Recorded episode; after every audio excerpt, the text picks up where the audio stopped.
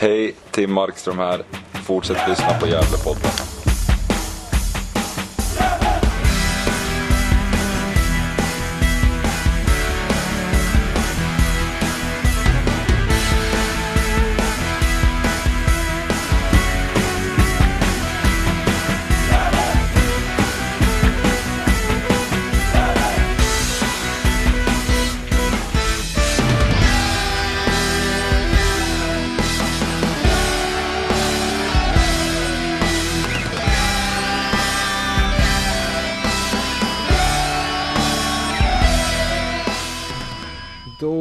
Hälsar jag er varmt välkomna till ett nytt avsnitt av Gävlepodden. Det är avsnitt eh, 375 som vi kan spela in.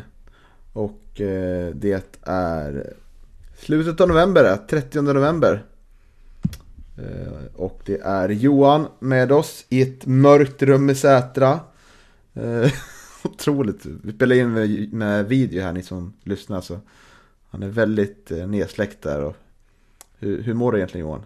Ja, nej, jag mår bra, det, men det kanske avspeglar sig på, på eh, det väder och vet du, den årstid vi är i, om, om inte annat. Det är ju mörkt här utanför och ja, snön har ju vräkt ner över stan så att ehm, ja, ja man eh, känns ju ganska långt ifrån från fotbollen ändå på något vis. Det känns tyvärr långt fram nu men, men förhoppningsvis så går väl de här månaderna fort och att, eh, att eh, det sätter igång igen snart.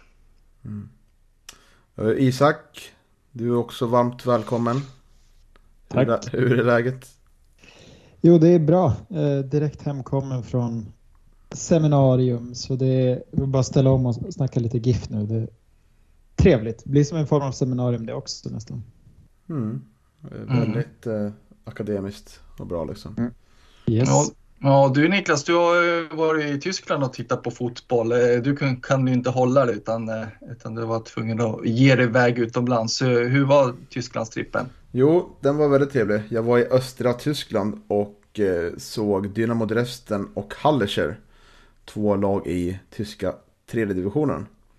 Och ja, vi fick inte se några hemmamål tyvärr. Det var två borta förluster men det var bra tryck på läktaren så det kan man ta med sig att de är duktiga på det, organiserad sportkultur, tyskarna. Och de är otroligt bra käk. Bratwurst och kuddevurst. Det borde vara på Galvallen. Det är mm. min, lilla, min lilla önskelista, Gävlepoddens önskelista. Mer currywurst på Galvallen. Mm. Har de börjat sålt glühwein eller var det för tidigt? Ja, det glömde jag klart bort. Glühwein också. Fantastiskt mm. fint. Ja, det är ju det. Väldigt, väldigt gott. Mm. Ja, längtar man sig tillbaka. Men vi ska, mm. inte, vi ska inte fastna i det. Eh, vi ska ju idag prata om spelarbetygen, del 2. Där vi ska gå igenom mittfältare och anfallare. Eh, och så har vi lite smått och gott innan som har hänt senaste veckan. Eh, och mm, jag tänker att vi kör igång. Isak, vi har fått en spelarförlängning. Vem då? Ja, det var väl inte helt oväntat Kevin Persson som kritade på för två nya år i Gävle. Ehm, såg eh, väldigt glad och nöjd ut på, på bilden och det tycker jag att han ska vara även klubben för det, det, det börjar väl bli som en, en eh, trotjänare nu Kevin och eh, det är väl rätt att förlänga med honom tycker jag. Jag är väl en lite förespråkare för kontinuitet och vurma sådana spelare som varit länge i klubben så det var roligt att Kevin förlängt och att eh, det börjar hända saker. Eh, man ser att sportchefsarbetet för mycket går framåt, även om det här kanske var den, den lättaste pusselbiten att lägga. Det var väl kanske inte så många andra bitar som behövde falla på plats för att Kevin skulle förlänga sådär, men, men ändå glädjande tycker jag. Ja, vi får väl se om alla mittbacksplatser är klara nu då. Det beror lite på om det kommer in anbud eller om man väljer bryta med någon spelare. Men visst känns det som att det är klart. Eller vad säger du Johan? Att det är de här mittbackarna vi kommer ha nästa år också. Ja, precis. Det, det tror jag. Eh, att det, det, känns inte som att behovet av om, ytterligare finns och eh, frågan är om det finns eh, eh pengar att lägga på ytterligare en, en, en försvarare. Det, det är väl ytterst tveksamt. så eh, eh händer det ingenting oförutsett så, så äh, blir det samma för ja, centrala äh, mittbackar som, som föregående säsong. Det tror jag. Samtidigt så var det ju, det var ju sårbart i slutet av säsongen när vi tvingades gå ner på Oskar Lundin och Filip Ekman som mittbackspar. Då, och det, det, visade, det skulle väl kanske kunna tala för att man hade behövt få in en till mittback, alternativt någon i Alexander Jonssons stil, kanske inte just han som kan spela både mm, wing och eh, ytterback i en innerbacksposition. Liksom.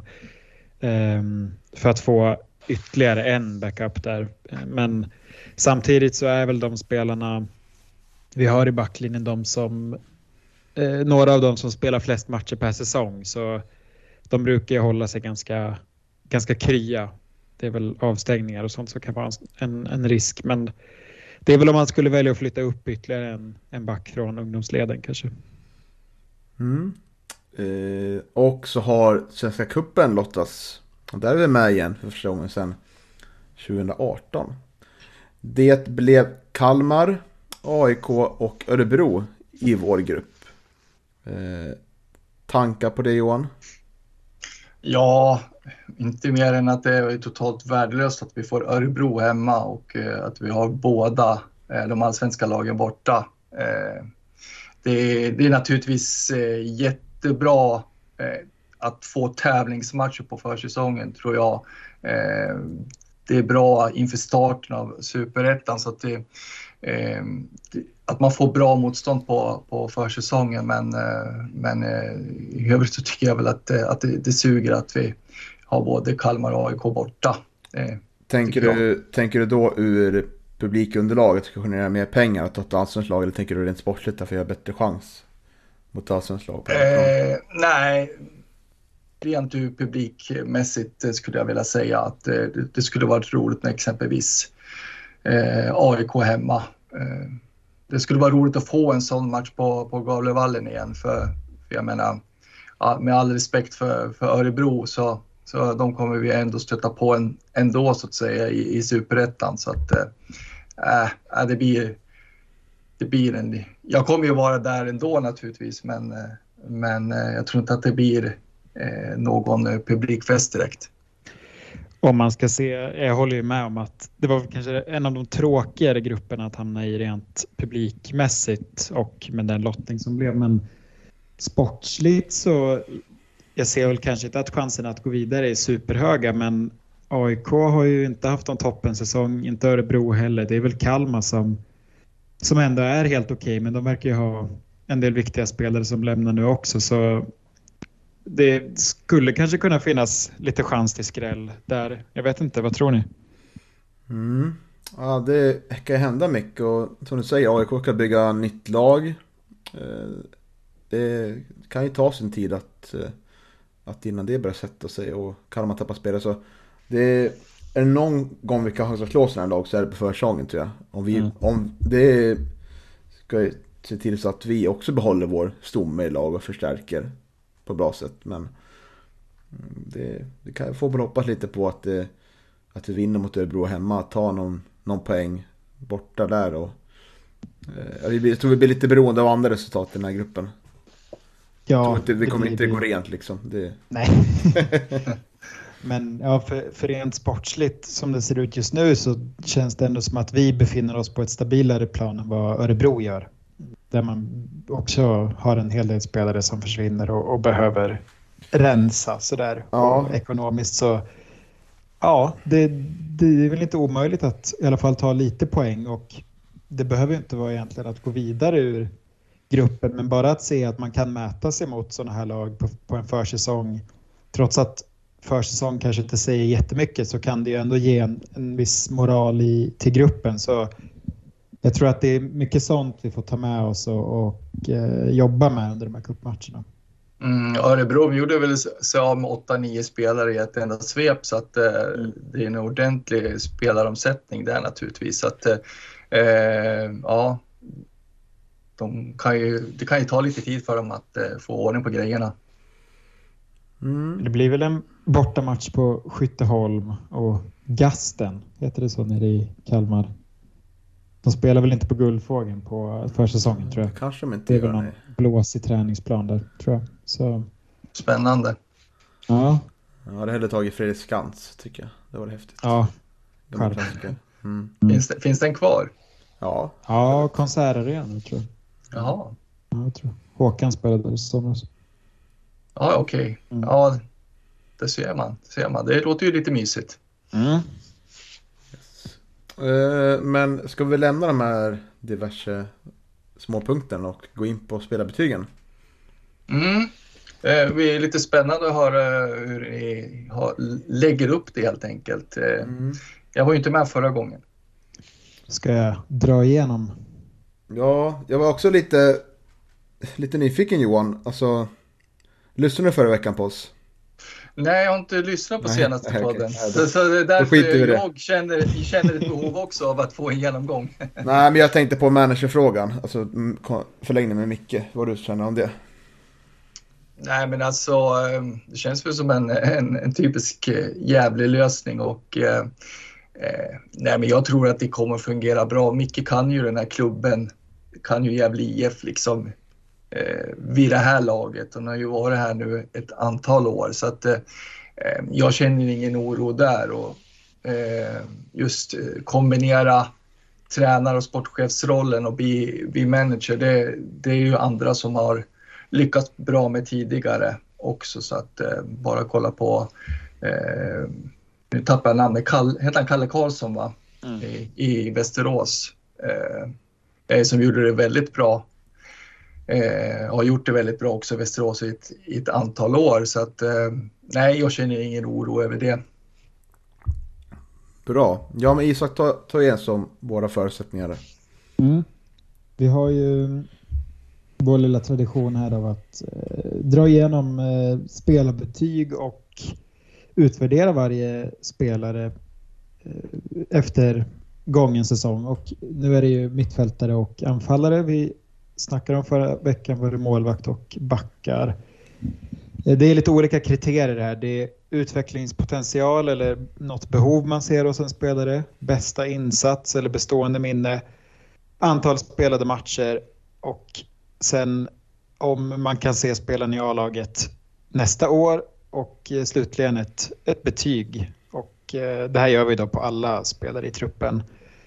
Ehm, och nu har vi ju en spelare som vi lånat ut och en som vi lånat in. Det är Antonio Jakob och eh, Ahmed Bonna och båda de finns med här. Så ja, det, det blir ett gäng spelare. Mm. Mm. Men eh, vi, vi har delat upp det nu. Förra veckan var det bara du och jag, men nu har vi fått lite förstärkning och nya perspektiv förhoppningsvis med dig Johan. Ja, kanske. Ja. Men jag kan börja då. Och eh, då ska jag få den stora äran att prata om Oskar Lundins säsong. Eh, Oskar spelade 24 matcher. Eh, var ju lite avstängd sådär. Sex gula kort fick han. Jag tycker att hans säsong har varit otroligt fantastisk. Och jag kan ju berätta nu att jag röstade på honom som MVP. Eh, för jag tycker att han var nog den viktigaste spelaren i vårt spel eh, under säsongen. Han eh, är ju den spelaren som är både bra defensivt, framförallt defensivt, där han bidrar med mycket viktigt fysiskt spel och kan ofta sätta motståndarnas bästa spelare på innerfältet ur spel.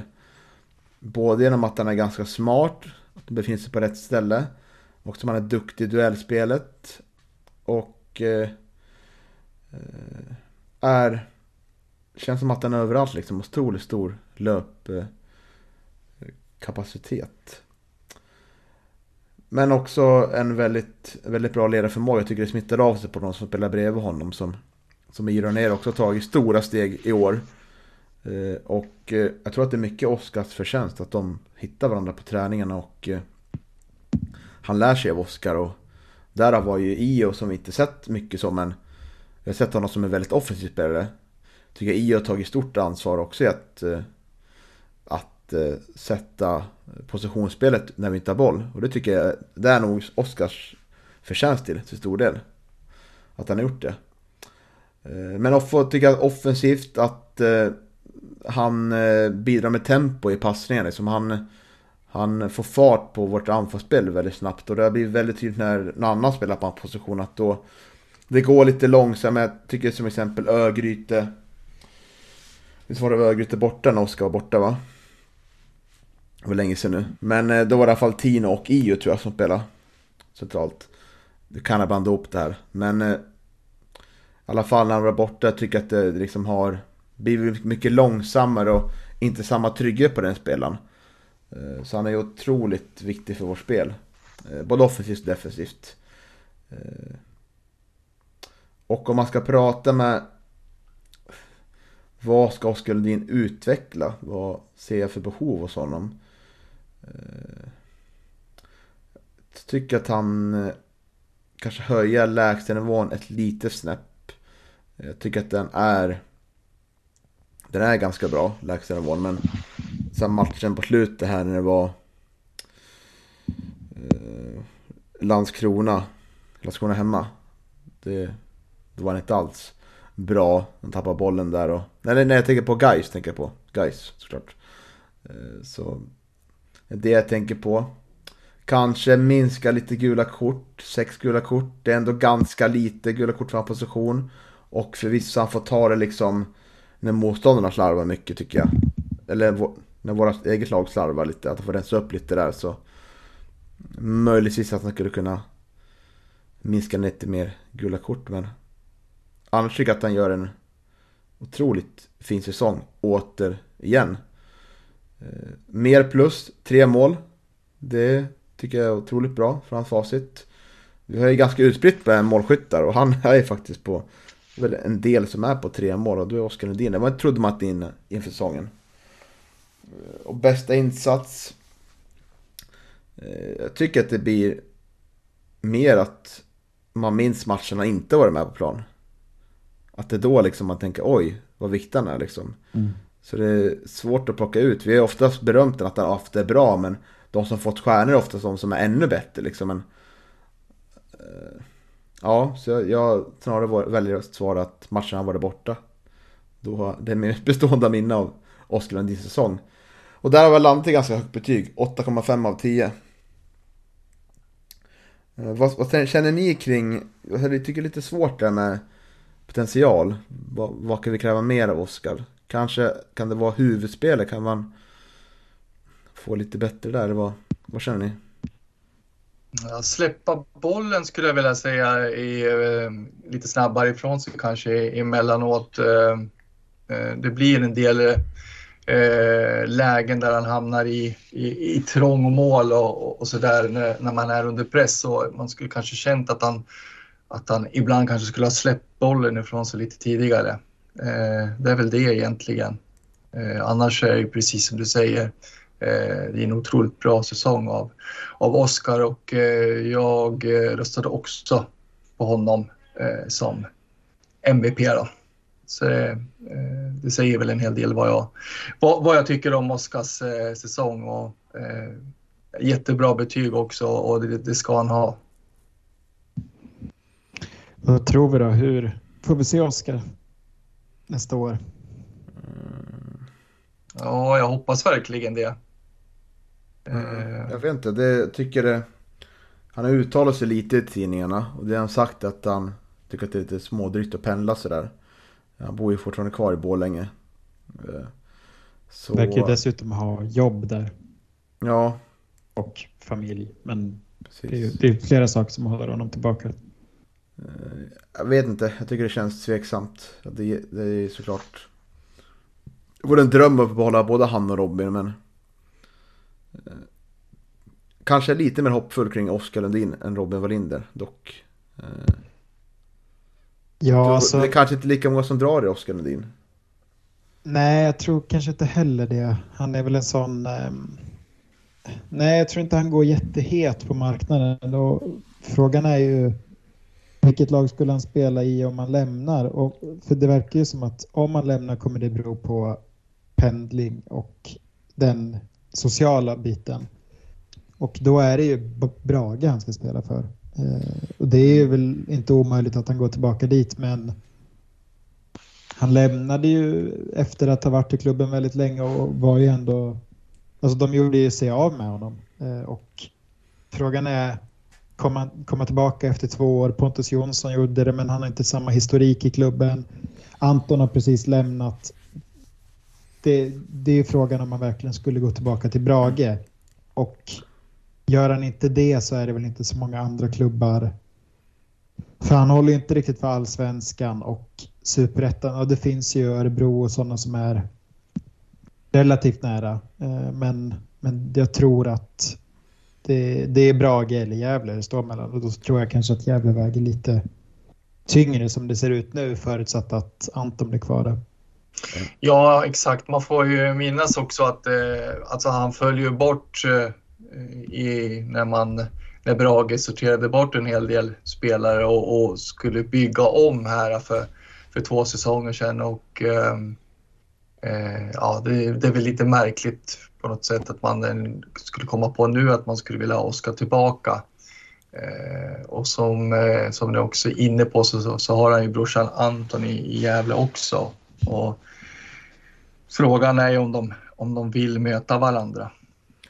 Det som jag tror kan vara till Oskars fördel, om man kan kolla på Brage-spåret, det är att Klebbe börjar ryktas till Helsingborg. Och mm kommer in en ny tränare så kanske det kan öppna möjligheter för Eh, för att den tränaren ser på Oscars eh, spelsätt och möjligheter på annat sätt. Man vet aldrig. Nej, det återstår ju att se. Han eh, har ju själv sagt att han ska försöka komma till ett beslut ganska fort så att eh, eh, förhoppningsvis så kommer ett besked här ganska snart hur det blir med Oskar. Ja, för det, det, jag tror inte som att det i Robins fall handlar om att han har anbud från andra klubbar riktigt. Utan det är den här sociala biten och pendling som ska klaffa och då det, det, blir ju inte riktigt att, för med Robins fall så verkar det vara att han har andra klubbar som ryktas, eller som, som drar i honom och där tror jag inte riktigt att Oskar befinner sig. Men vad vet jag? Ja, du vet ganska mycket. Kanske inte om den saken. Men, men, eh, men någon spelare du vet väldigt mycket om, Isak, det är nästa spelare. Och det är med Daniel Eliasson. Mm, fråga mig gärna om Daniel Eliasson. Han har gjort, spelat 18 matcher i år och det är ändå ganska många. Det är inte så många starter. Det är väl bara en två, tre stycken tror jag. Eh, men eh, ja, Daniel har ju han har ju ändå gjort en, en gedigen säsong skulle jag säga.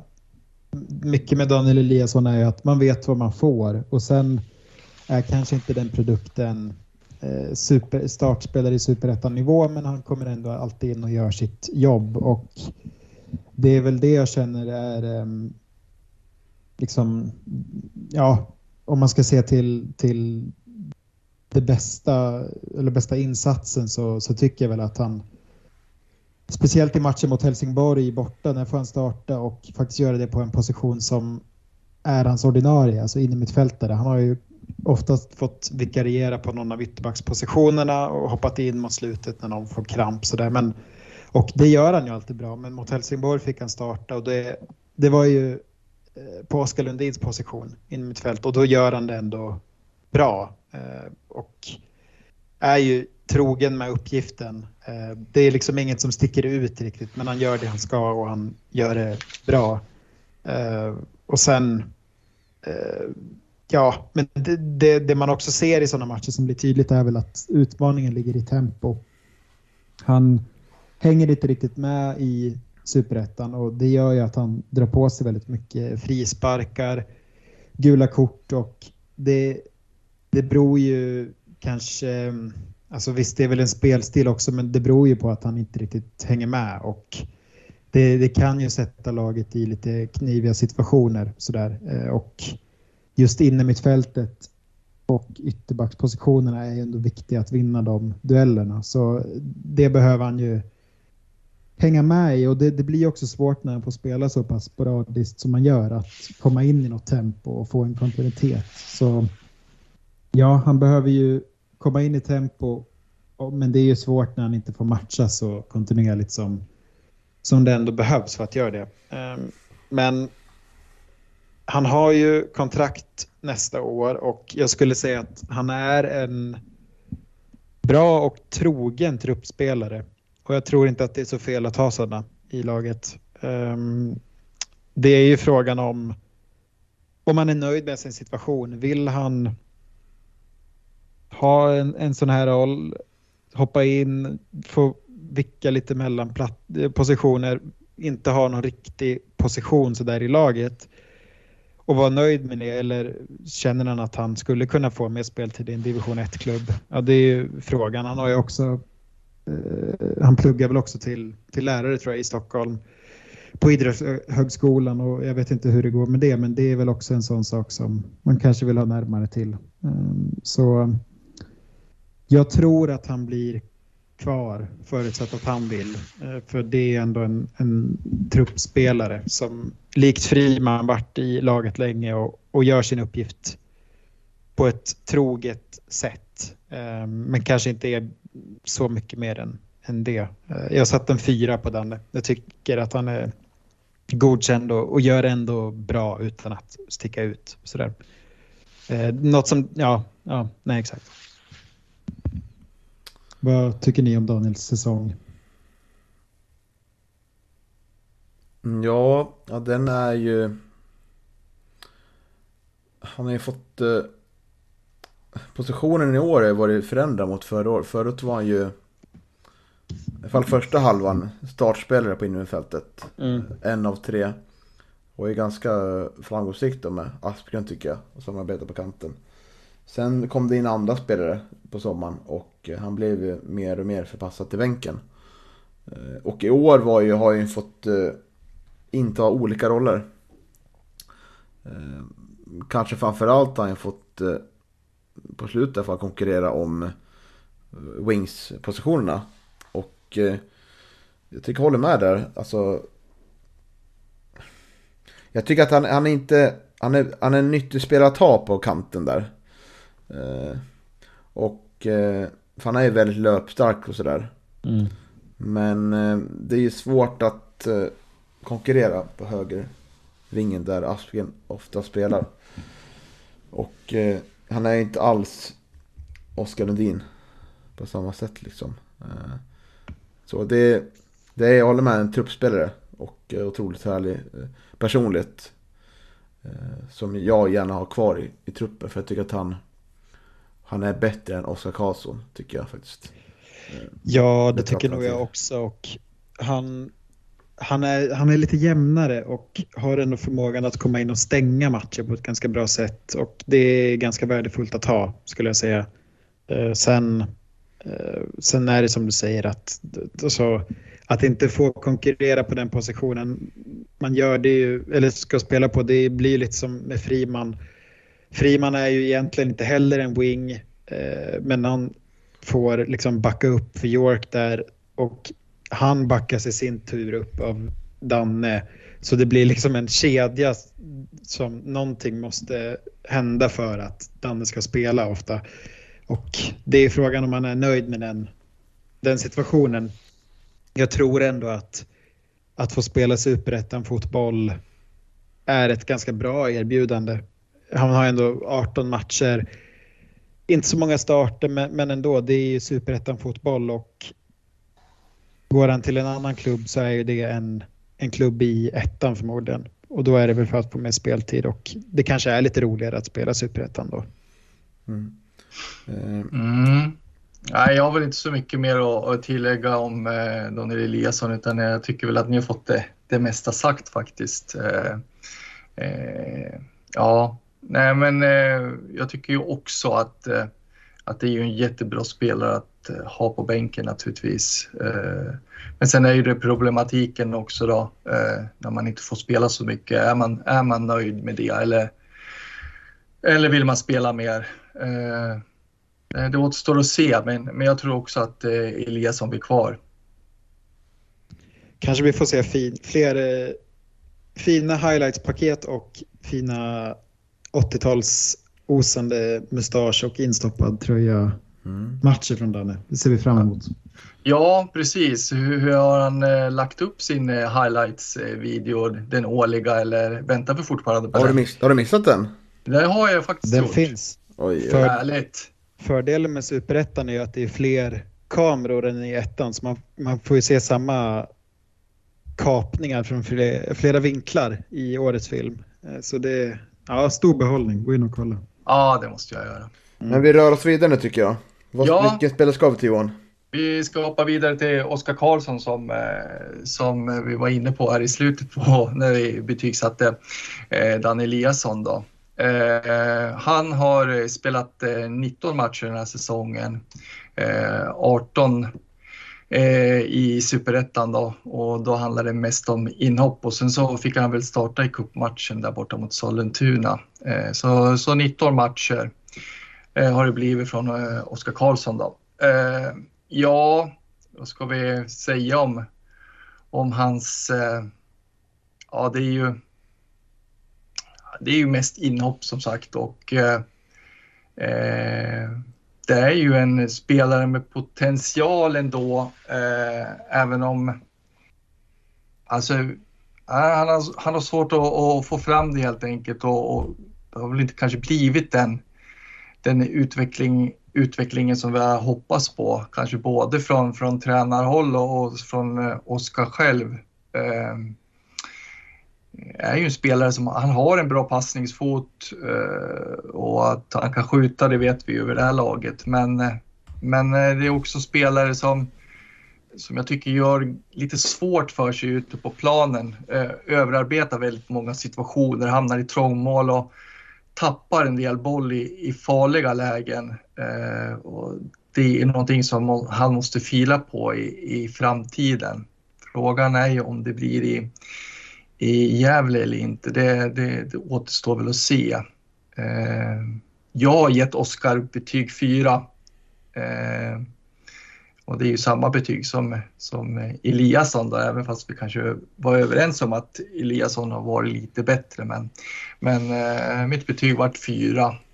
Och eh, jag vet inte vad ni säger, om vi, vad tror vi om, om hans chanser att eh, få kontrakt? Ehm, jag tror inte i alla fall. Ehm, hade kontraktsläget sett lite annorlunda ut i, i truppen och, och det hade varit fler spelare som satt på utgående kontrakt då, då kanske det hade funnits större chans för, för Oskar. Men, eh, men nu, nu är det inte många luckor att fylla och Eh, därför tror jag inte Oskar får nytt kontrakt för eh, som sagt eh, man kanske behöver spetsa till eh, sin avbytarbänk lite grann och, och då kanske man måste se sig om efter en, en spelare som håller för, för superettan på ett annat sätt än vad Oskar gör.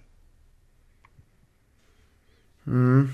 Jag tycker att han har fått chanser att starta matcher och jag tycker inte att han har övertygat där. Så uh, jag, jag ser väl behov av att få in en till eh, spelare som kan konkurrera på, på innerfältet. Och därav så mm, tycker jag att Oskar Karlsson har fått sina chanser nu och eh, tycker vi bör vi kommer inte ha jättestor, jättebred ekonomi nästa år heller vad det verkar.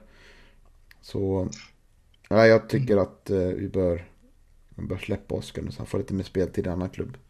Ja, jag glömde ju också och vet det, jag delar med mig av mitt bästa bestående minne av Oskar eh, under 2023 och det är ju naturligtvis 2-2 målet eh, borta mot GIF Sundsvall.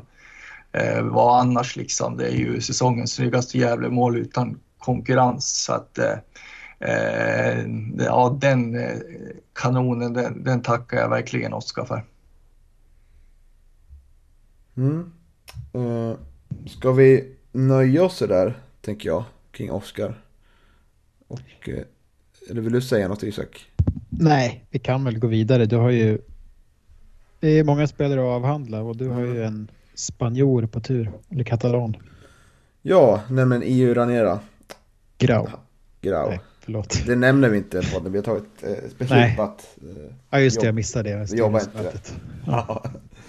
Ja, vi Eh, får ju Andreas Ström på oss annars om vi inte, om vi inte uttalar alla, alla namnen på, på spelarna. Ja, inga problem med det.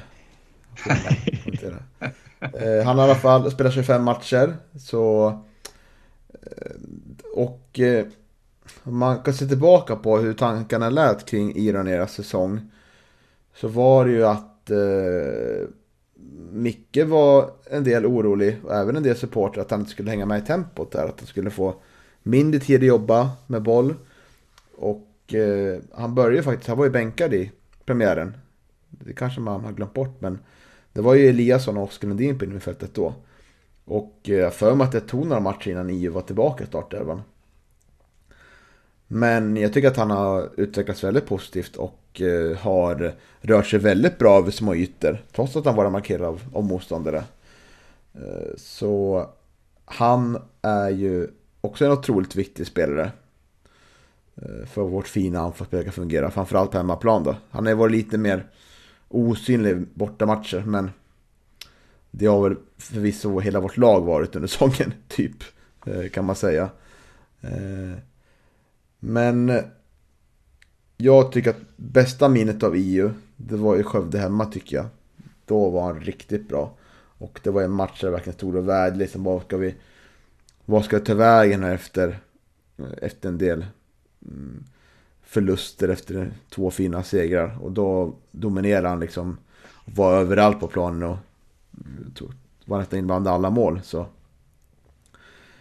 eh, men eh, ja, man kan se lite behov då, tycker att han borde skjuta mer. Han står ju faktiskt på, eh, på noll mål och han får inte ta frisparkar längre. Det är kanske ganska förståeligt för Englund är ganska vass på frisparkarna. Men han har ju en väldigt fin fot så han borde verkligen borde ta lite mer avslutningslägen. Och eh, han behöver också klippa bort misstagen som kommer en del under matcherna. Eh, för han är ju, framförallt på bortaplan så jag vet inte om han är lite underlagskänslig i Ranera. Mer än andra svåra spelare. För det känns som att man kommer inte tänka på någon riktigt bra insats på bortaplan. Liksom, och eh, kommer ha fått Skövde borta, som man har ganska färskt i närminnet, så var det otroligt mycket misstag från hans passningsfot. Så jag tycker att han borde, borde bli lite mer stabil över 90 minuter, för att han är ju eh, otroligt eh, dominant och viktig för vårt anfallsspel. Eh, när han är riktigt bra. Och det är ju få spelare på vårt mittfält tycker jag som kan slå de här riktigt passningarna i trängda lägen och hitta de här luckorna som, som vi gör nere. Har den här blicken för spelet också. Han är ju otroligt... Har ju liksom blicken överallt och rör sig både från kant till kant och sådär. Och vill alltid ha boll och Eh, så jag tycker såklart att IK var kvar. Han har ett optionsår. Det var, eh, han har varit i Gävle nu. Han var inte med på eh, skridskomatchen här. Men han var, han var också sjuk, stod det liksom. Men jag tror också att EU blir kvar faktiskt. Han hade en lapp från mamma. Jag kan inte vara med på idrotten idag. Nej, eller han, han har väl inte optionsår? Han har väl kontrakt över nästa år? Ibland ihop Nej, han har optionsår ett plus ett kontrakt har han. Ja, så var det. Mm. Mm. Men eh, jag har ändå landat i betyget 7,5. Eh, inte lika högt, men det beror lite på. Jag tycker att han var eh, lite osynlig i många matcher. Sådär. Det som mm. jag var inne på. Sådär. Mm. Det är ju lite förvånande att IU står på noll poäng efter den här säsongen. Eh, det är ja, väl en sån spelare som man hade förväntan att det skulle vara en sån som gör ganska mycket poäng och är viktig för vårt poängspel. Förra året stod han ju för många fina framspelningar men det har han inte gjort då. Men han har väl kanske stått för lite hockeyassister kanske. Så jag tror Oskar Lundin har väl fått en del poäng, framspelningspoäng och sen har han ju fått lite innermittfältet eller mittfältet överlag ser ju lite annorlunda ut. Där vi har spelare som Tino, Adrian, eh, York, eller inte York, eh, Jakob och Bonnara som, som kanske är lite mer kreativa och då har EU fått en annan roll och blir den som spelar fram till assistmakaren. Så jag tror att han fått en lite annan roll i år, men han har ändå anpassat sig bra känner jag. Så just mm. tempot är ju en sån sak som jag var orolig över, men det har funkat bra, verkligen. Eh, det, det är inga tvivel om att han är en bra superettan-spelare, tycker jag. vi får inte glömma bort också att eh, det var ett helt annat spel som, som Gävle spelade i, i division 1, ja i ettan norra då. 2022 jämfört mm. med, med, med Gävle i, i superettan där man har fått eh, anpassa sitt spel eh, på ett annat vis och varit mera tillbakalutad. Och, eh, det har ju naturligtvis också påverkat EU så att eh, eh, det ska man ju också ha i minnet tycker jag. Ja, definitivt. Och där har ju Oskar Lundin stuckit ut mer i och med att han har varit den mest framträdande spelaren i det spelsättet. Men det är som du säger, det, det är ju två olika spelstilar. Och Skövde var ju en sån match där vi hade väldigt mycket boll och då var EU väldigt bra också. Så ja, det, det är väl ett orsakssamband kanske. När vi har mycket boll är EU bra. När EU är bra har vi mycket boll. Mm. Bra, vi rör oss vidare då till eh, Constantino Capotondi, Isak. Mm. Yes. Uh, ja, Tino Constantino Capotondi, han har spelat 26 matcher i år och väldigt många av dem har varit från start och det var ju kanske inte något som vi hade förväntat oss när vi fick veta att Tino blev klar för klubben. Han kom ju alltså från ett mittenlag i division 1 och innan dess har han spelat i Karlberg och Sundbyberg i Stockholm i, i division 2 är ju bara 23 men har ändå hunnit med en, en del A-lagsfotboll men, men steget från den här Eh, division 1 och division 2 fotbollen till superettan har ju inte varit så stort som man kanske trodde. Eller om man bara varit väldigt bra på att anpassa sig och, och det är väl min känsla att Tino har kommit in i laget väldigt snabbt och gjort det väldigt bra. Det känns som att han är väldigt medveten om sin egen utveckling. Det har jag fått bilden av när vi pratat med honom. Att han, han vet precis vad han, vad han behöver jobba med och hur han ska jobba med det för att nå dit han vill. Och det tycker jag återspeglar sig på plan också. Ehm, han, han har tagit stora steg och blivit ordinarie. Fått, han har ju en, en av dem som har en självklar startplats på vårt mittfält och den såg vi kanske inte komma i början av säsongen men, men det är ju glädjande att Gävle är en sån miljö där en sån spelare kan ta de här kliven. Ehm, men om man ser till, till liksom en särskild match så tycker jag att han var otroligt bra i hemmavinsten mot Eskilstuna. Vi vann med 2-0. Det var Leo som gjorde båda målen på straff där men Tino gjorde lite vad han ville i den matchen. Står för några fina framspelningar till Leo när han skapar de här straffsituationerna då, och ja, gör en fin match där. Ska man se till utvecklingspotential så skulle jag säga att han har ju fått ett växande ansvar under säsongens gång. Tagit en större roll på mittfältet nästan för varje match som har gått och det innebär ju också mer dueller, mer eh, bollinnehav, beslut sådär och vissa gånger blir det kanske lite för mycket hålla i boll. Han är fin eller han är väldigt bra på just det här med att ta sig ur trängda situationer, små ytor. Men ibland blir det kanske lite för mycket och det har lett till vissa bolltapp som satt laget i svåra lägen. Så det behöver väl slippas bort inför nästa säsong. Men, men i övrigt eh, så, så tycker jag att han står för en väldigt bra säsong. Ska definitivt spela kvar i Gävle nästa år, har dessutom kontrakt. Och jag tycker väl att vi ska försöka skriva ett, ett lite längre kontrakt med Tino. För jag tror att det är en spelare vi skulle kunna sälja senare. För han har, han har den potentialen, eh, tycker jag.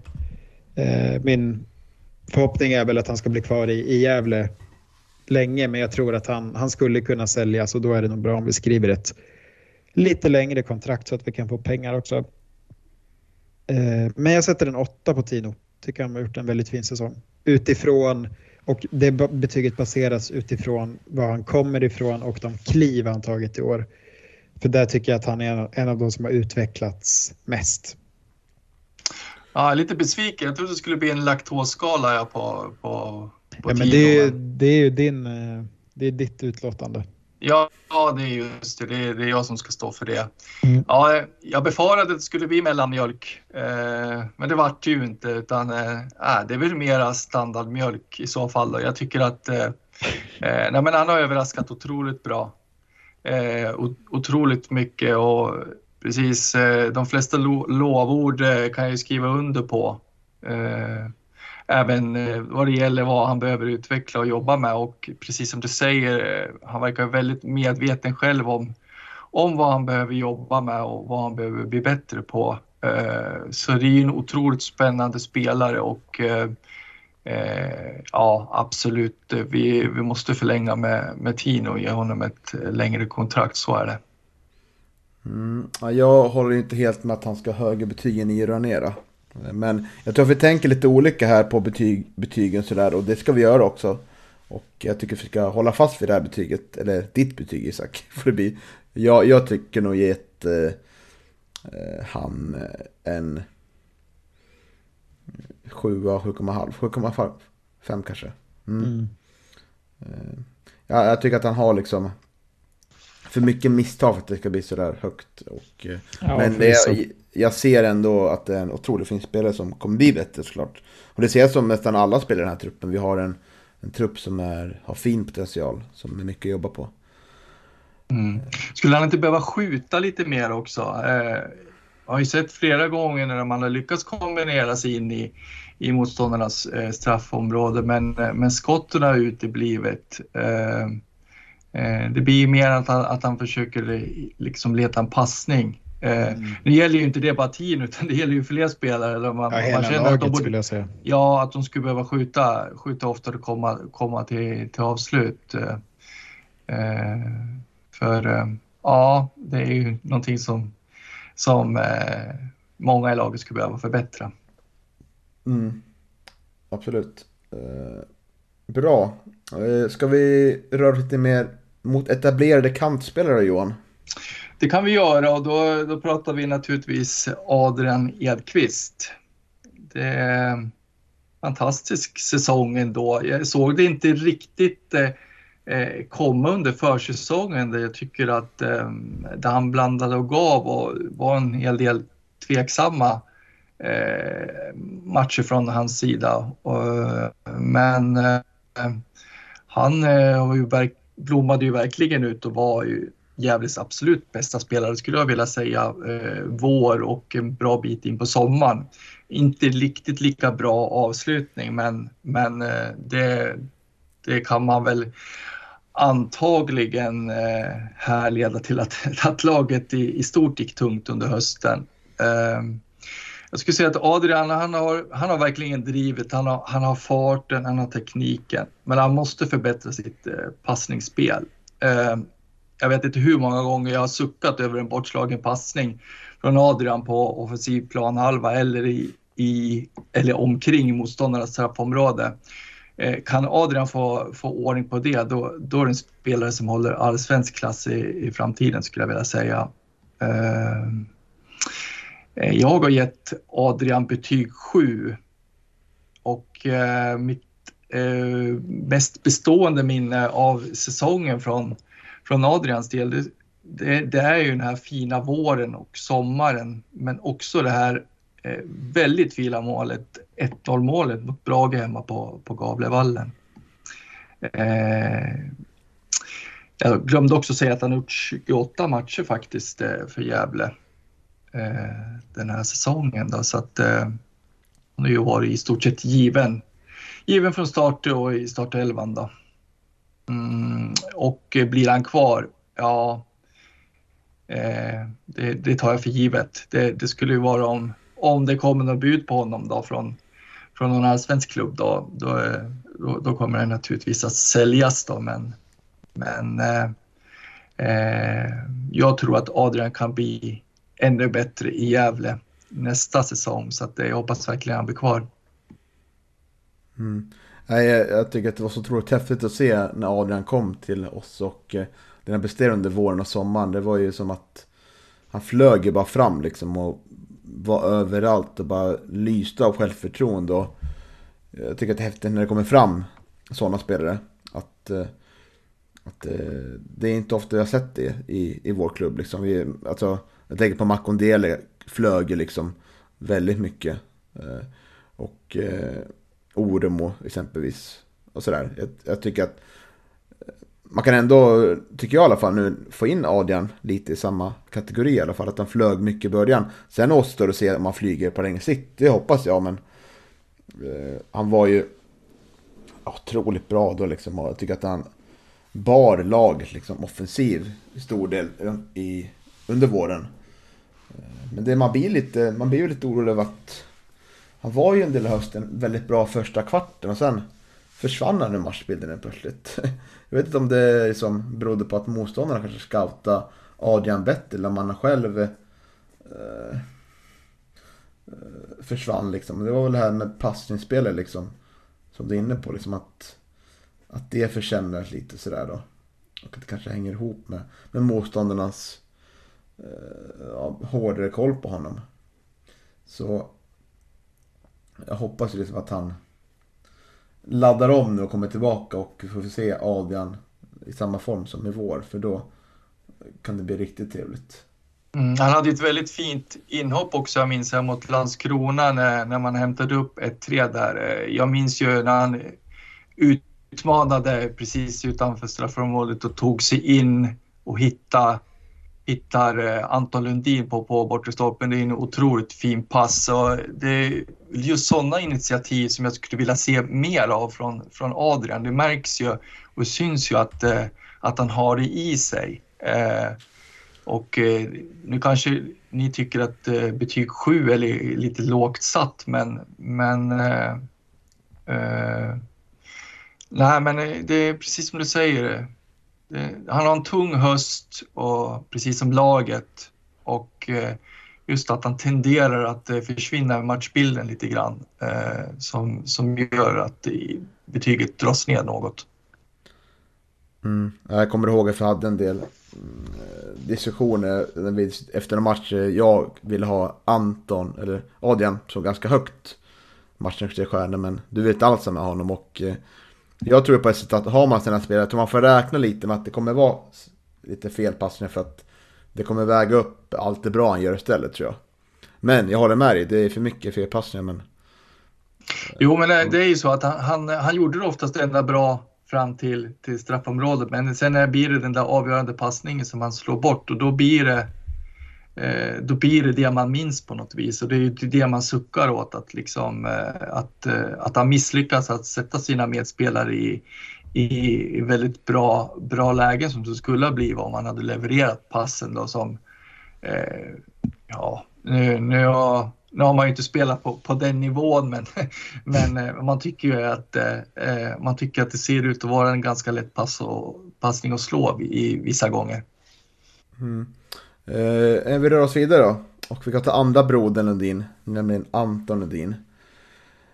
Som eh, har en ganska märklig säsong bakom sig tycker jag. Han har startat 14 matcher, hoppat in i 13 matcher. Alltså på 27 matcher och det kanske säger någonting att det var lite upp och ner.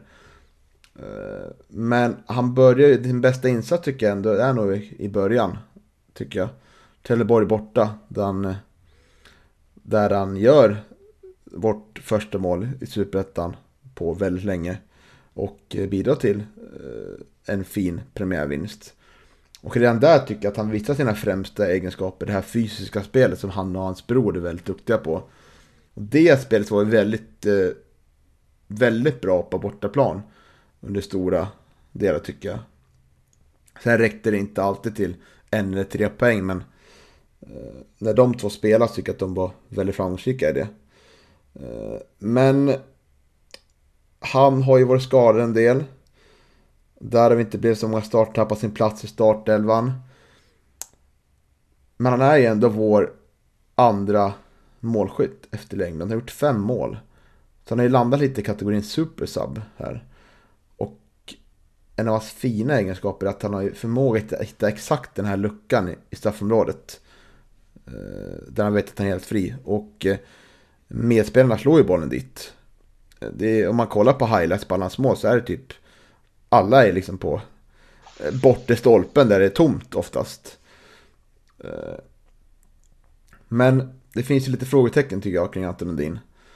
Och eh, frågan är, har han, har, kommer han landa i att huvudet på, på rätt plats? Nu vet jag att det har varit tungt med, fortfarande är säkerligen är tungt med eh, hans fästmö som gick bort eh, förra året.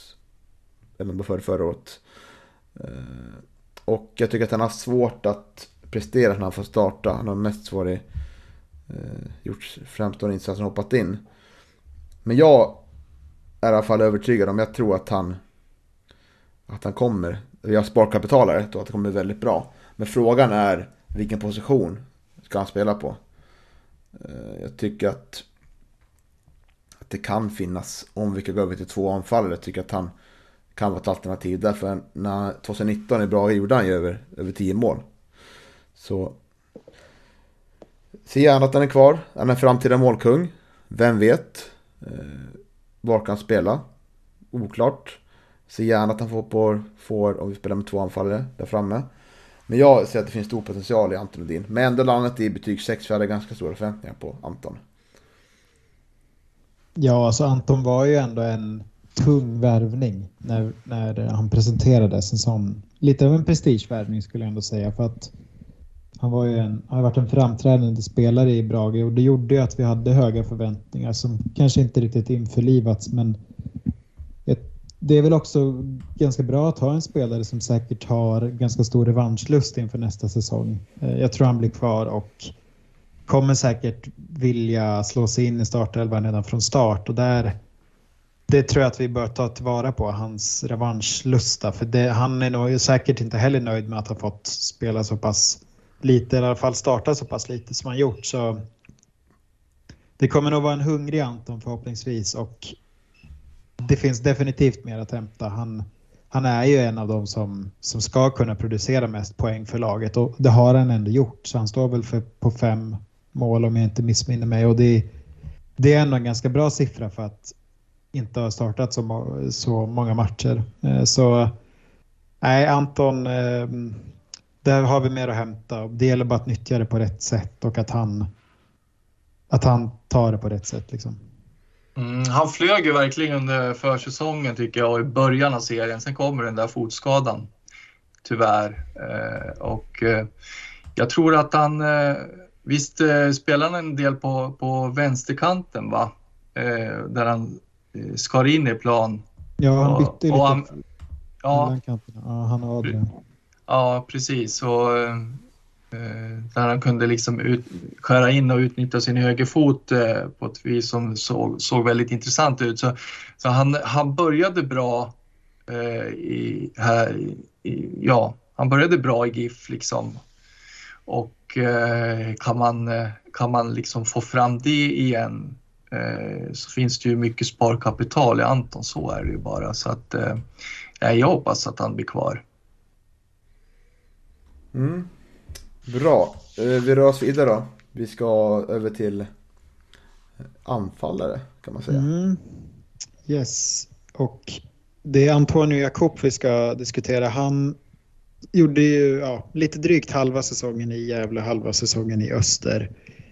Men eh, har ju ändå ja, gjort majoriteten av säsongen här. Eh, det är en spelare som har eh, likt Anton Lundin kanske inte fått starta så mycket som, som man förväntade sig och speciellt inte som han förväntade sig kanske. Och eh, ja, man har ju tacklat det på olika sätt men han har ju i alla fall varit en viktig spelare i slutskedet av matcherna och kommit in och avgjort, avgjort bra många matcher, plockat poäng till laget. Och, och det har ju varit skulle jag säga, Jakobs stora styrka i, under den här säsongen. Att han har, han har räddat poäng åt laget och det är ju poäng som nu när man summerar säsongen eh, kommit att vara väldigt viktiga.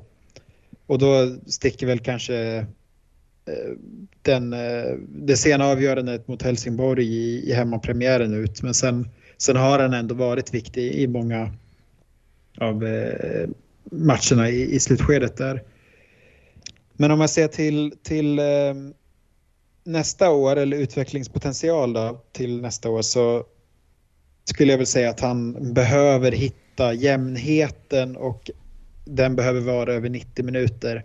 De gånger han fått chansen att starta så tycker jag inte att han har varit bra matchen igenom. Han försvinner ibland, är inte så pass spetsig som man kan vara i slutet av matchen och det gör att han att vi tappar den delen av mittfältet lite. Ehm, så hitta en jämnhet över 90 minuter och det är väl det som gjort att han, att han inte fått spela riktigt så mycket um, som han gjort. Um, och ja, utöver det så, så är väl ett utvecklingsbehov att även hantera motgångar eller eh, liksom saker som inte går som han riktigt vill i, på ett bra sätt. För det, det har ju varit tydligt med att han har velat söka sig bort eller åtminstone varit missnöjd med den speltid och position han fått spela på och det har ju som man sett skapat viss, viss eh, osämja i, i eh, gruppen men också mellan Jakob och supporter och, och laget så där. Så ja, det, det, ser jag väl också som ett behov att, att hantera det på ett bättre sätt. Om man ser till nästa år så har han ju kontrakt ytterligare ett år. Det verkar ju vara tveksamt om vi får se Jakob i Gävle något mer. Har ju nästan snackat sig bort lite nu, gått ut i GD flera gånger och sagt att han inte eh, kan se sig själv i Gävle, eller att det ska mycket till för att han ska spela i, i klubben nästa år. Och det talar väl sitt tydliga språk. Jag tror att vi har sett Eh, ja, att Antonio har gjort sitt i GIF och eh, jag satte en sexa på honom. Eh, men ja, det, det, är ju den halva säsongen man har kunnat bedöma. Men eh, ja, vad har ni att säga om Antonio Jakob? Ja, alltså vi, vill vi ha Jakob kvar? Eh, det är väl också eh, en, fråga som kanske är vettigt att ställa sig. Eh, nu vet jag inte om om man återigen är felciterad i tidningen. Eh, men han säger ju bland annat också att det var, att det var ju skönt att komma till Öster för att eh, där fick man spela matcher som betydde någonting. Eh, och, och, det är ju någonting jag reagerar lite på. Jag, jag anser väl att, eh, att eh, har man den inställningen eh, Eh, då, då, då har man fel inställning skulle jag vilja säga. För, för alla matcher har väl betydelse Eh, på ett eller annat vis och det är väl otroligt viktigt eh, för Gävle att, eh, att, eh, att vinna fotbollsmatcher och eh, det är väl den inställningen alla i, i laget ska gå ut med, att, att det är en viktig match, att det är viktigt att vinna den. Och har inte Antonio det, då, då har han ingenting i Gävle att göra heller.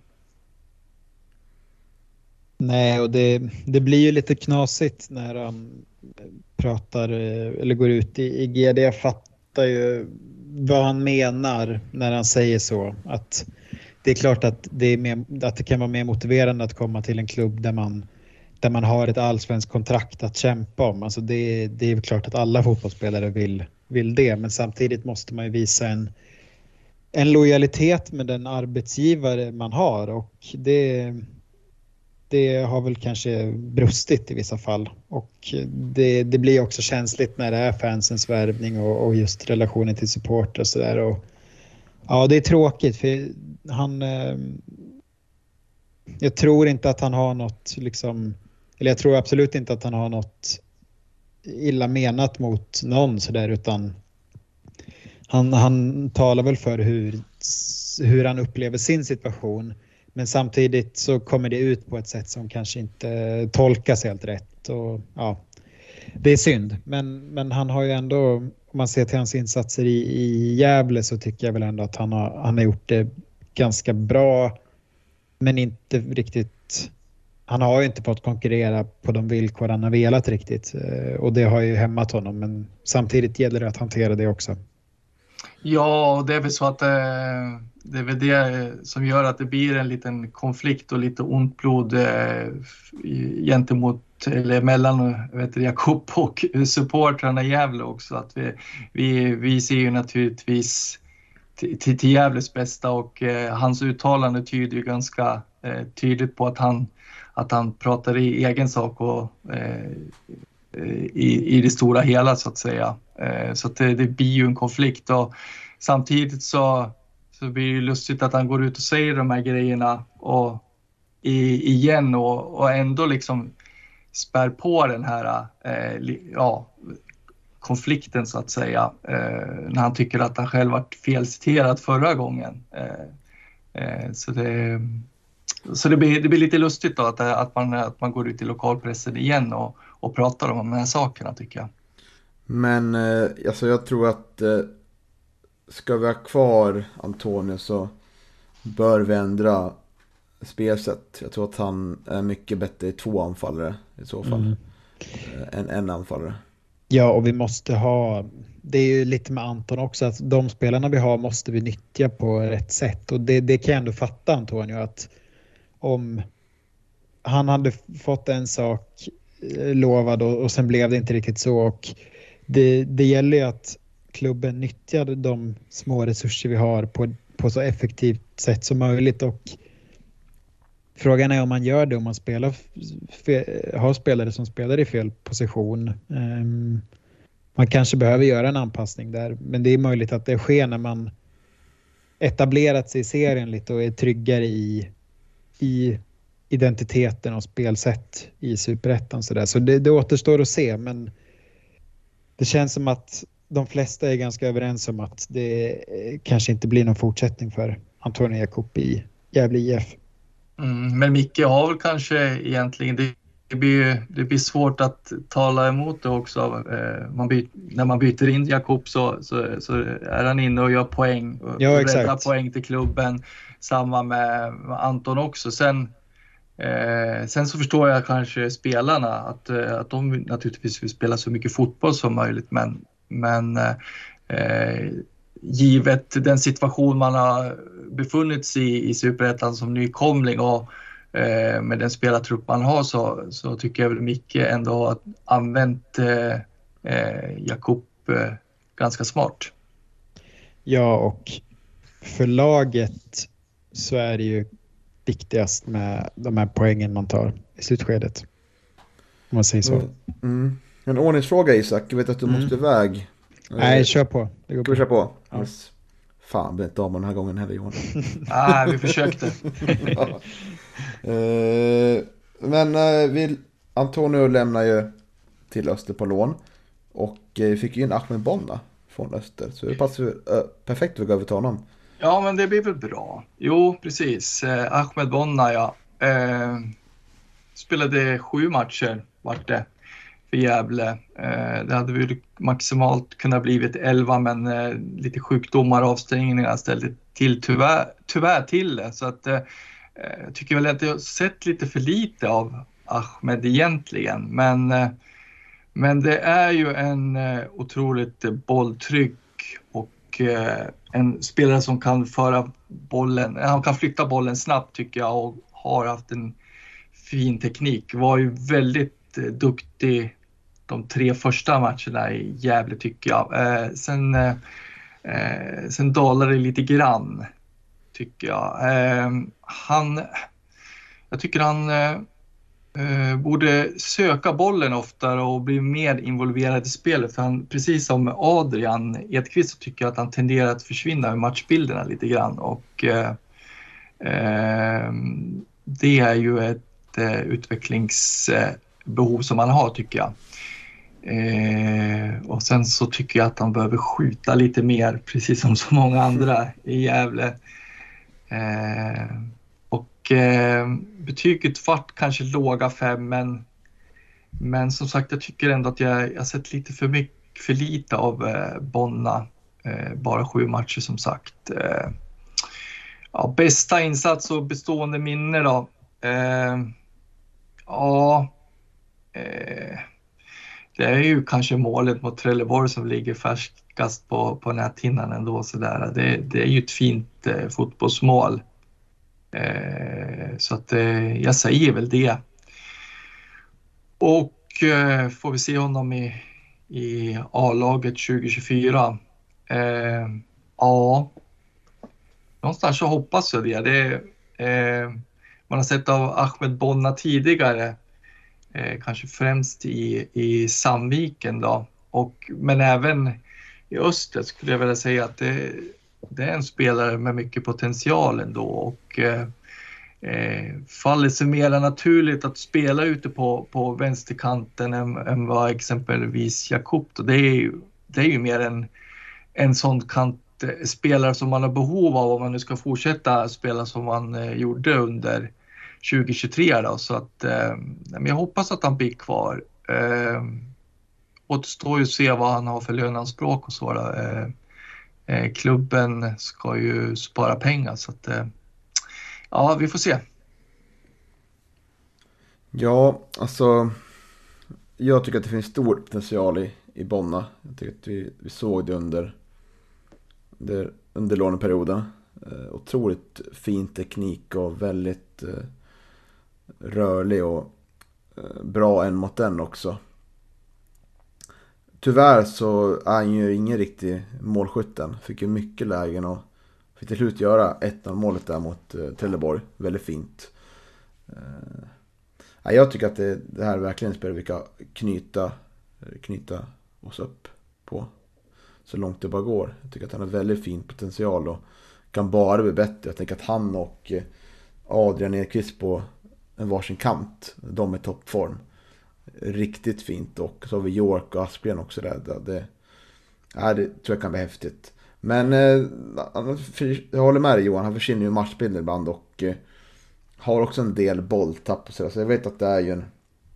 Jag vet att en del tycker att han inte ska vara kvar och eh, det kan vi respektera. Men jag tycker ändå att det är mycket mer som väger över till det positiva. Till Ahmed Bonnas mm. fördel. Ja, tänk York Rafael och Ahmed Bonna ute till, till vänster nästa år. Det eh, kan bli ett, eh, ett otroligt eh, fast anfallsvapen för Gävle. Så, eh, ja, intressant att se hur det, hur det blir här framöver. Ja, vi har ju inte... Det var väl mot Östersund borta som vi fick se den, den kombinationen.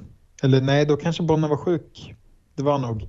Men det är inte många matcher vi fått se dem ihop. Ehm, och Ehm, nej, det kommer bli intressant. Om, om man säger att valet, om valet står mellan Jakob och Bonna så tror jag att det blir Bonna. Ehm, och det tror jag är, ehm, det tror jag både klubben och känner och kanske också vad vi får ut mest utav och vad, man, vad som passar vårt spelsätt bäst så tror jag att en sån lösning kommer gynna oss mest. Så om man ska säga procentuellt mellan de två så definitivt större chans på Bonna och någon vi, vi bör satsa på.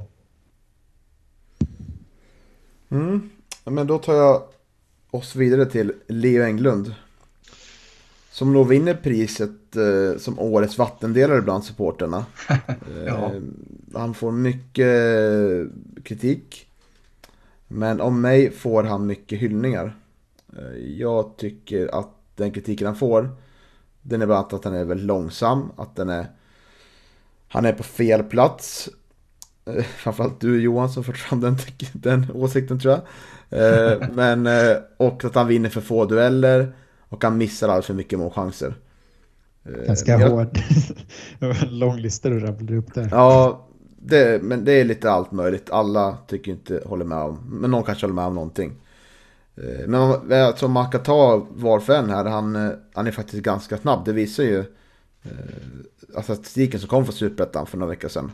Men inte lika snabb som Håkansson. Nej, det är också helt otroligt hur han kan vara så snabb. Ja, det är nog fel. Fortsätt. Ja, så. Eh, på fel plats, jag tycker att han, eh, han visar bland annat på målet här eh, sista matchen. Då slår han inlägget där. Han kommer i omställning där så och det är andra som tar position. Men jag förstår vad du menar Johan, att det blir tomt i straffområdet då. Men eh, jag tycker också att det kan vara andra spelares ansvar att då fylla på i straffområdet. Eh, men jag tycker att när Leo är som bäst så är han ju som sagt farlig i omställningarna. Vilket hans fem assist vittnar om. Han har faktiskt bäst i laget med det. Jag trodde man inte inför säsongen. Eh, han är också väldigt bra tycker på att ta emot bollen. Och när han blir involverad i spelet så, så suger han ner bollarna. Och kan också vända runt en mot en felvänd. Jag tycker han har som sådana situationer in i straffområdet där han, han är otroligt stark då liksom.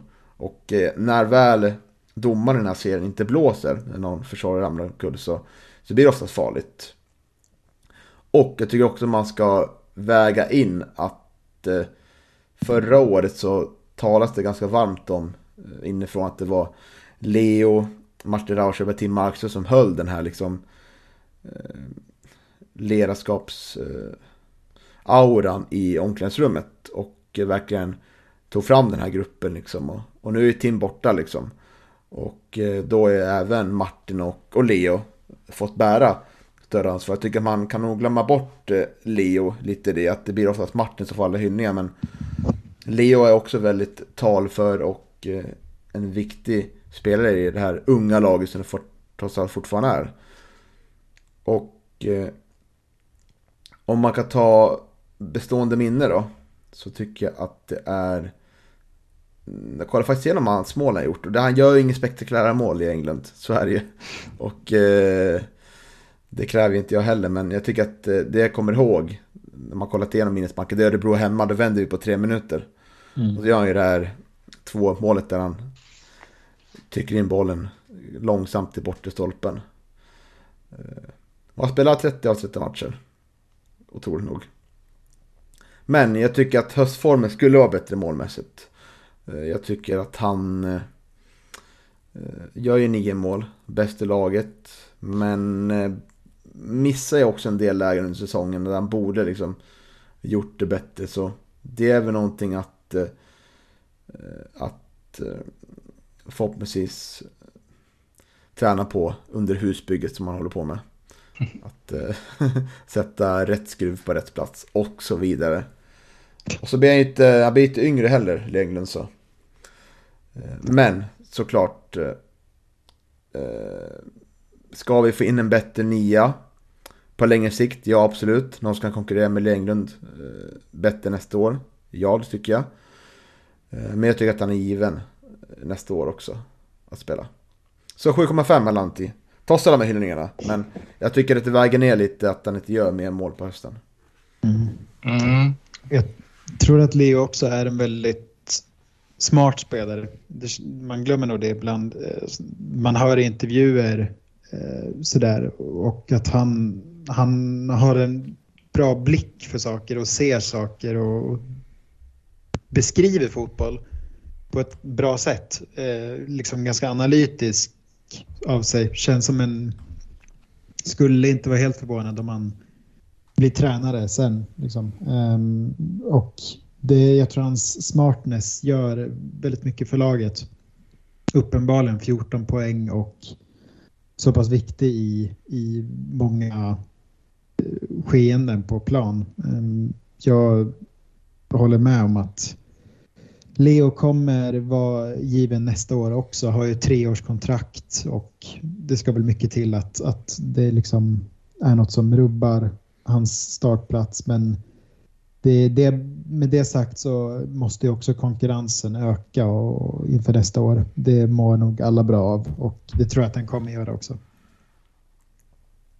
Mm, man ska inte glömma också eh, Gävles sätt att spela den här eh, första säsongen i Superettan och att det varit ganska tillbakalutat och att eh, det naturligtvis också har påverkat Leo som spelar ensam anfallare. Det är inte så himla lätt att vinna dueller när man har kanske två mittbackar och en ytterback emot sig eh, som, som ligger bra nära. Det, det, är ganska svårt att göra någonting med bollen då. Och, eh, jag vet också att man får mycket kritik för att inte vara involverad i spelet. Men, men det är klart, det är svårt att vara involverad i spelet när motståndaren har, har det mesta av bollinnehavet också. Så att eh, det är två saker som säger, det är, det är kritik som jag tycker det eh, eh säger liksom att det, det, det, blir lite lustigt på något vis tycker jag. Mm. Mm. Ska vi gå till eh, sista spelaren då? Jakob Hjälte. Mm. Jakob Hjälte, han står noterad för 25 matcher men jag blev nästan lite förvånad. Det känns inte som att det är så många för han missade ju en ganska stor del av säsongen var min känsla. Men han står noterad för 25 matcher i år. Um, stämmer det? Ja, men han har ju bara 590, 590, 531 minuter. Mm. Eh, Så det är ju Är det, är inga, det, det är väl två starter tror jag. Men har ändå fått... Om man ser till antal matcher så har han ju fått spela en del, men inte minuter. Så, eh, och Han just... är ju, han är ju snäppet mindre speltid än Bonna kan man tänka. Om man vill tänka hur mycket matcher och så. ja, Bonna så ungefär matcher, så. sju. Ja. Ja. Mm, sex, sju matcher. Och just det skulle jag säga är Hjältes största behov till nästa år. Få en säsong med kontinuitet framför allt, skadefri och speltid. För det vi sett av Hjälte är ju att när han kommit in den här korta delen, för jag känner att höstsäsongen efter, ja men kanske någon match innan Östersund borta när han står för sin första, sitt första mål. Om man ser till de matcherna så har han ju varit på väldigt kort tid eh, så har han gett mycket till laget. Han har bidragit med väldigt mycket. Tre mål, två assist. Men skapat mycket farligheter i slutet av, slutet av matcherna. Så där så, så tycker jag att det blir tydligt att han behöver, han kommer kunna bidra med väldigt mycket till laget förutsatt att han får en säsong med kontinuitet både vad gäller speltid och skador. Han behöver få spela och vara med en hel säsong. Um, men vi har ju som en trio av supersubs nu och det är Hjälte, Anton och Jakob Och där skulle jag vilja lyfta fram Hjältes, eh, ja, den, det inhoppet han gör mot Östersund borta när han fixar 2-2 som gör att vi får med oss ett lika resultat från den matchen. Det är hans första mål efter skadefrånvaron. Det, tror jag, det kändes som att det var lite förlösande för efter det så började han ju producera fler poäng och jag tycker att inhoppet mot Landskrona hemma i eh, slutet av oktober är riktigt bra. Han kommer in med ny energi, skapar farlighet på farlighet på farlighet som till slut resulterar i en, en 3-3 kvittering. Um, ehm, så där, där har han sin styrka. Han lyckas vaska fram de här chanserna i slutskedet av matchen och det, det har ju uppenbarligen visat att det är väldigt viktigt. Men till nästa år, då, Hjälte sitter på utgående kontrakt och där så, um, ja, han har inte fått spela så mycket, varit mest inhoppare och då, då hamnar man ju återigen i, nöjer han sig med det? Hur ser han på sin egen roll? Min känsla är ju att han kommer bli kvar. Um, han, han är en spelare man vill ha i laget. Han är smart men han är också lojal och man vet vad man får av Hjälte. Det, han, han är ju väldigt bra på det sättet att han, han lyckas alltid skapa de här chanserna och, och bidra i spelet när han kommer in tycker jag. Och det vi fått till oss genom GD verkar ju vara att det, det talas om en förlängning och att det var, verkar vara ganska nära. Så förmodligen får vi se Hjälte även nästa säsong. Eh, jag sätter en, jag brukar vara lite emot att sätta halva betyg, men jag sätter en fem och en halv på Hjälte i år. Ehm, bra, men har ju helt klart hämmats av skadeproblematik och ja, inte, inte så mycket speltid som man kanske hade behövt helt enkelt. Vet du vad en annan fin egenskap med Jakob är? Rätta.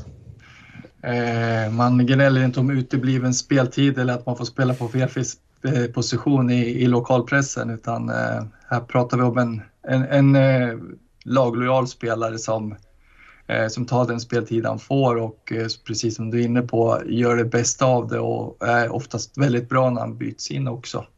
Ja, för Så- det där, ja, det ligger mycket i det. Alltså, Hjälte har ju haft en ganska tuff fotbollskarriär om man säger så. Det är få säsonger han har hållit sig skadefri och han har alltid behövt jobba sig tillbaka och det tror jag ändå skapar något med en fotbollsspelare att man han jobbar lite i motvind och, och kämpar på. Och han har ju liksom, han kom ju upp i A-laget och var en lo, lovande sådär men fick det aldrig riktigt att lossna men han har fort, fortsatt att jobba på och visade ju i ettan innan, innan den här hälseneskadan att han, han är bra på den här nivån och tycker också att han har bevisat det i superettan, att han, han håller. Sen är det tuff konkurrens med Leo, men och speciellt med ett enmananfall sådär. Men han, han är lojal och jobbar alltid i, i lite i det tysta. Så ja, jag tror att Hjälte kommer förlänga och att han är en sån spelare man vill, man vill ha i laget. Mm. Ja, jag håller med mycket sagt. Hoppas också att man förlänger och det verkar ju, verkar ju bli så också. Mm. Bra, vi har eh, blivit långa igen, förståeligt. Så jag tänker att vi, vi kanske bör skona våra lyssnare från mer.